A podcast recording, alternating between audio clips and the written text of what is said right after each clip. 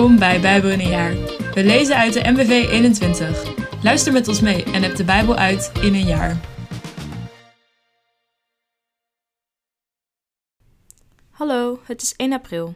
Vandaag lezen we Psalm 40, vers 1 tot met 8, nummer 31, vers 25 tot met 54, nummer 32, Lucas 8, vers 40 tot met 56 en Lucas 9, vers 1 tot met 9. Psalm 40, vers 1 tot met 8. Voor de koorleider van David, een psalm. Vol verlangen heb ik op de Heer gewacht, en hij boog zich naar mij toe. Hij heeft mijn roep om hulp gehoord. Hij trok mij uit de kuil van het graf, uit de modder, uit het slijk. Hij zette mij neer op een rots, een vaste grond voor mijn voeten. Hij gaf mij een nieuw lied in de mond, een lofzang voor onze God. Mogen velen het zien vol ontzag en vertrouwen op de Heer. Gelukkig de mens die vertrouwt op de Heer en zich niet keert tot hoogmoedigen, tot hen die verstrikt zijn in leugens. Veel wonderen hebt u verricht, veel goeds voor ons besloten. Heer, mijn God, niemand is te vergelijken met u. Wil ik erover spreken, ervan verhalen? Het is te veel om op te sommen. Offers en gaven verlangt u niet. Brand- en reinigingsoffers vraagt u niet. Nee, u hebt mijn oren voor u geopend. En nu kan ik zeggen: hier ben ik. Over mij is in de boekrol geschreven. U wilt te doen, mijn God, verlang ik. Diep in mij koester ik uw wet. Nummer 31, vers 25 tot en met 54. De Heer zei tegen Mozes: Ga samen met de priester Eliezer en de familiehoofden van de gemeenschap na hoe groot de buit aan mensen en dieren is. Geef de ene helft aan de mannen die aan de strijd hebben deelgenomen en de andere helft aan de rest van de gemeenschap legt degene die aan de strijd hebben deelgenomen een heffing op van 1 op de 500 mensen. Runderen, ezels, schapen en geiten. Die moeten zij aan de Heer afstaan. Houd dit op hun aandeel in en geef het aan de priester Eliezer als geschenk voor de Heer. Op het aandeel van de andere Israëlieten moet je 1 op de 50 mensen, runderen, ezels, schapen, geiten en andere dieren inhouden. Geef ze aan de Levieten die zorg dragen voor de tabernakel van de Heer. Mozes en de priester Eliezer deden wat de Heer Mozes had geboden.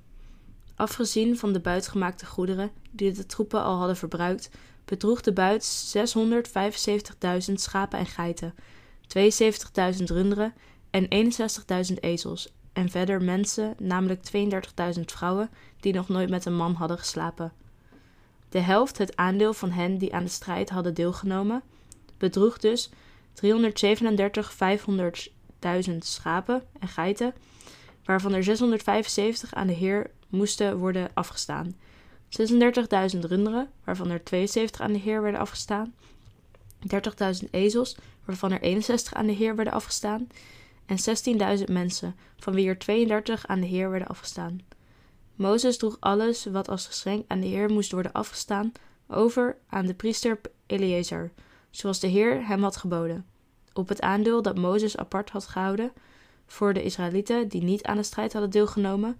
De voor hen bestemde helft omvatte 337.500 schapen en geiten, 36.000 runderen, 30.500 ezels en 16.000 mensen.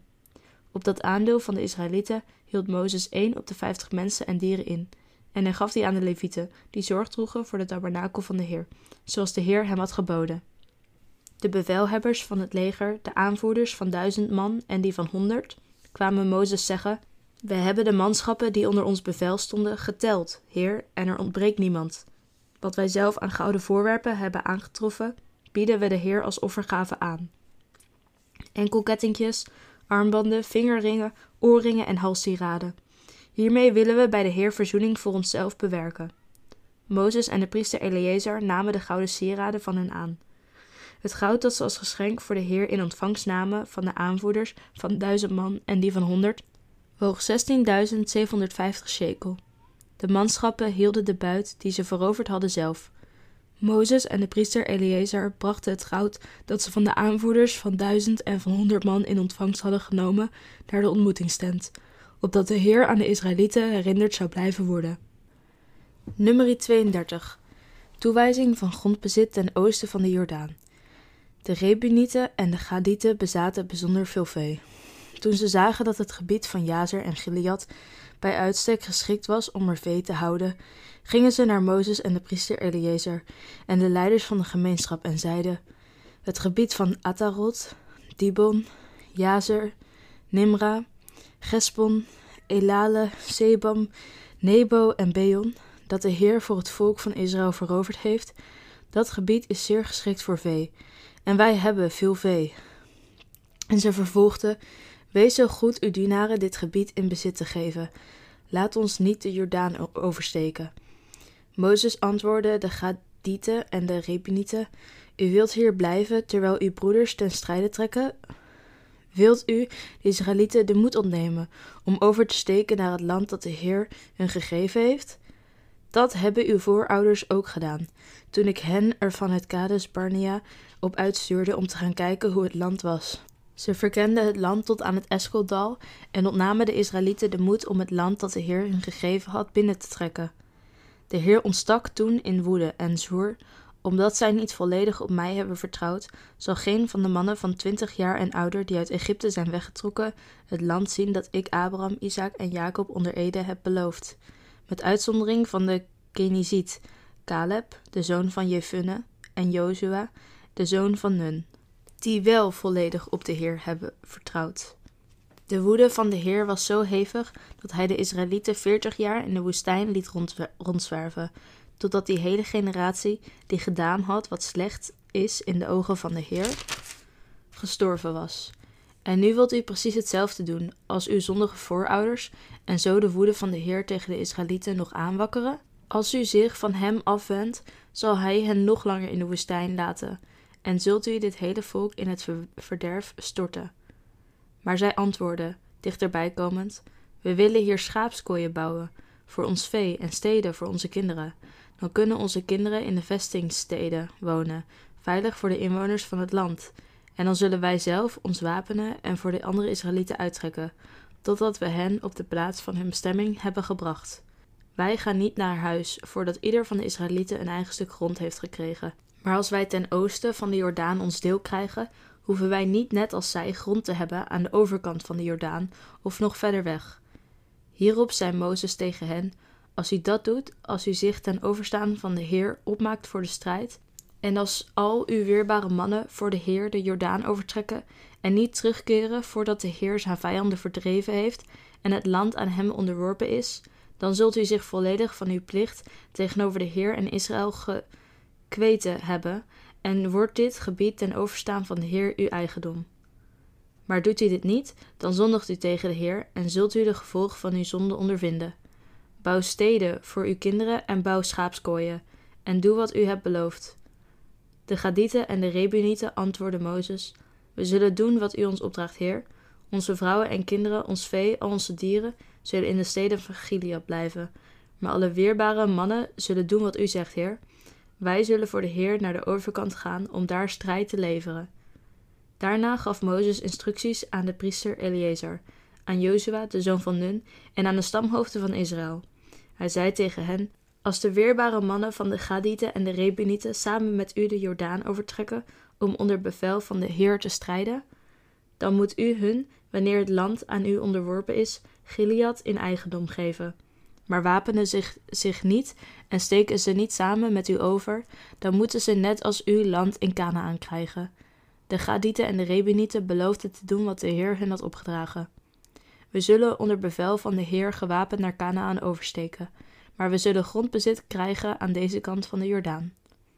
Daarop gaf Mozes aan de Gadieten en de Rebenieten en aan de helft van de stam Manasse, de zoon van Jozef, het rijk van koning Sigon, van de Amorieten en het rijk van koning Och, van Bazan.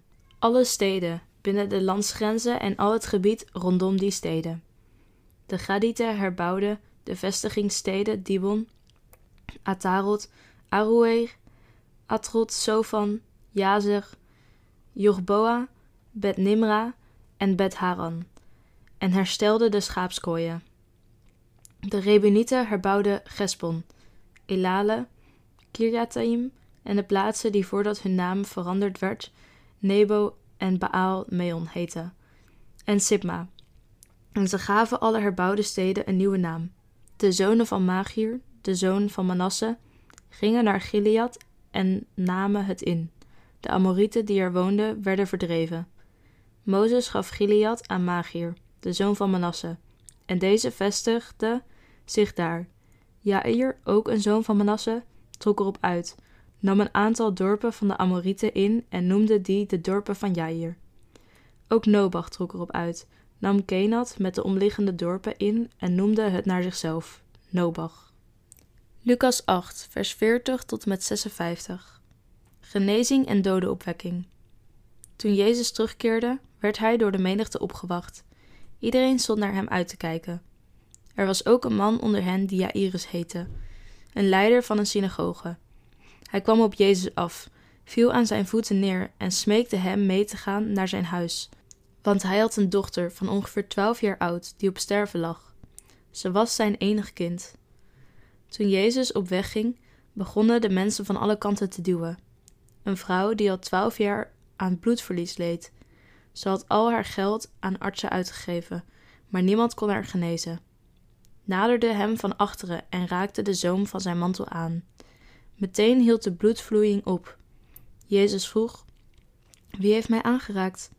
Iedereen ontkende de aanraking en Petrus zei: Meester, de mensen om u heen staan te duwen en te dringen.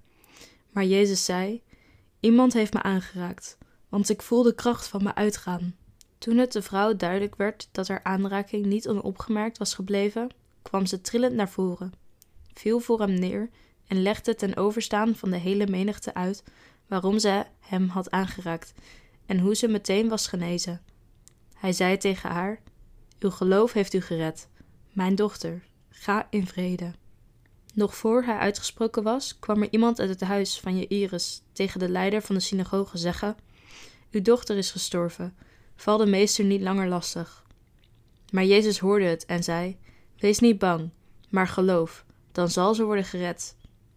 Toen hij bij het huis kwam, stond hij niemand toe om met hem naar binnen te gaan, behalve Petrus, Johannes en Jacobus, en de vader en moeder van het meisje. Alle aanwezigen waren aan het weeklagen en sloegen zich van verdriet op de borst. Hij zei: Houd op met klagen, want ze is niet gestorven, ze slaapt. Ze lachten hem uit, omdat ze wisten dat ze gestorven was. Hij nam haar hand vast en zei met luide stem: Meisje, sta op. Haar levensadem keerde terug en ze stond meteen op. Hij gaf opdracht haar iets te eten te geven. Haar ouders waren verbijsterd. Hij gebood hun tegen niemand te zeggen wat er was gebeurd. Lucas 9, vers 1 tot met 9. Uitzending van de twaalf. Hij riep de twaalf bij zich en gaf hun macht en gezag over alle demonen en de kracht om ziekte te genezen.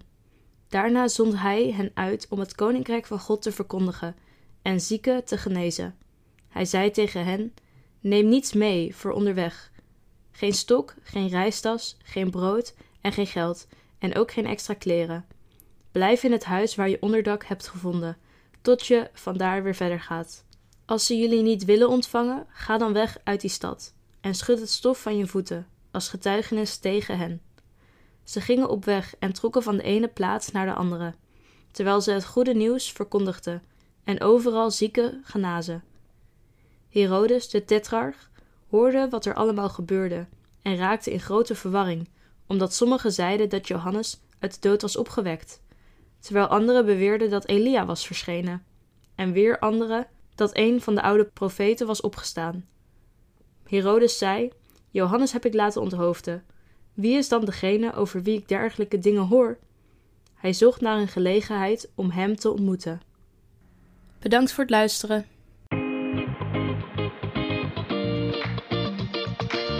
Bedankt voor het luisteren allemaal.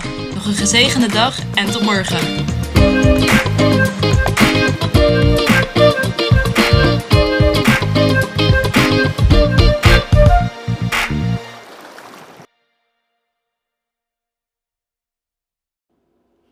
Met dank aan het Nederlands-Vlaams Bijbelgenootschap voor het gebruik van de MBV 21.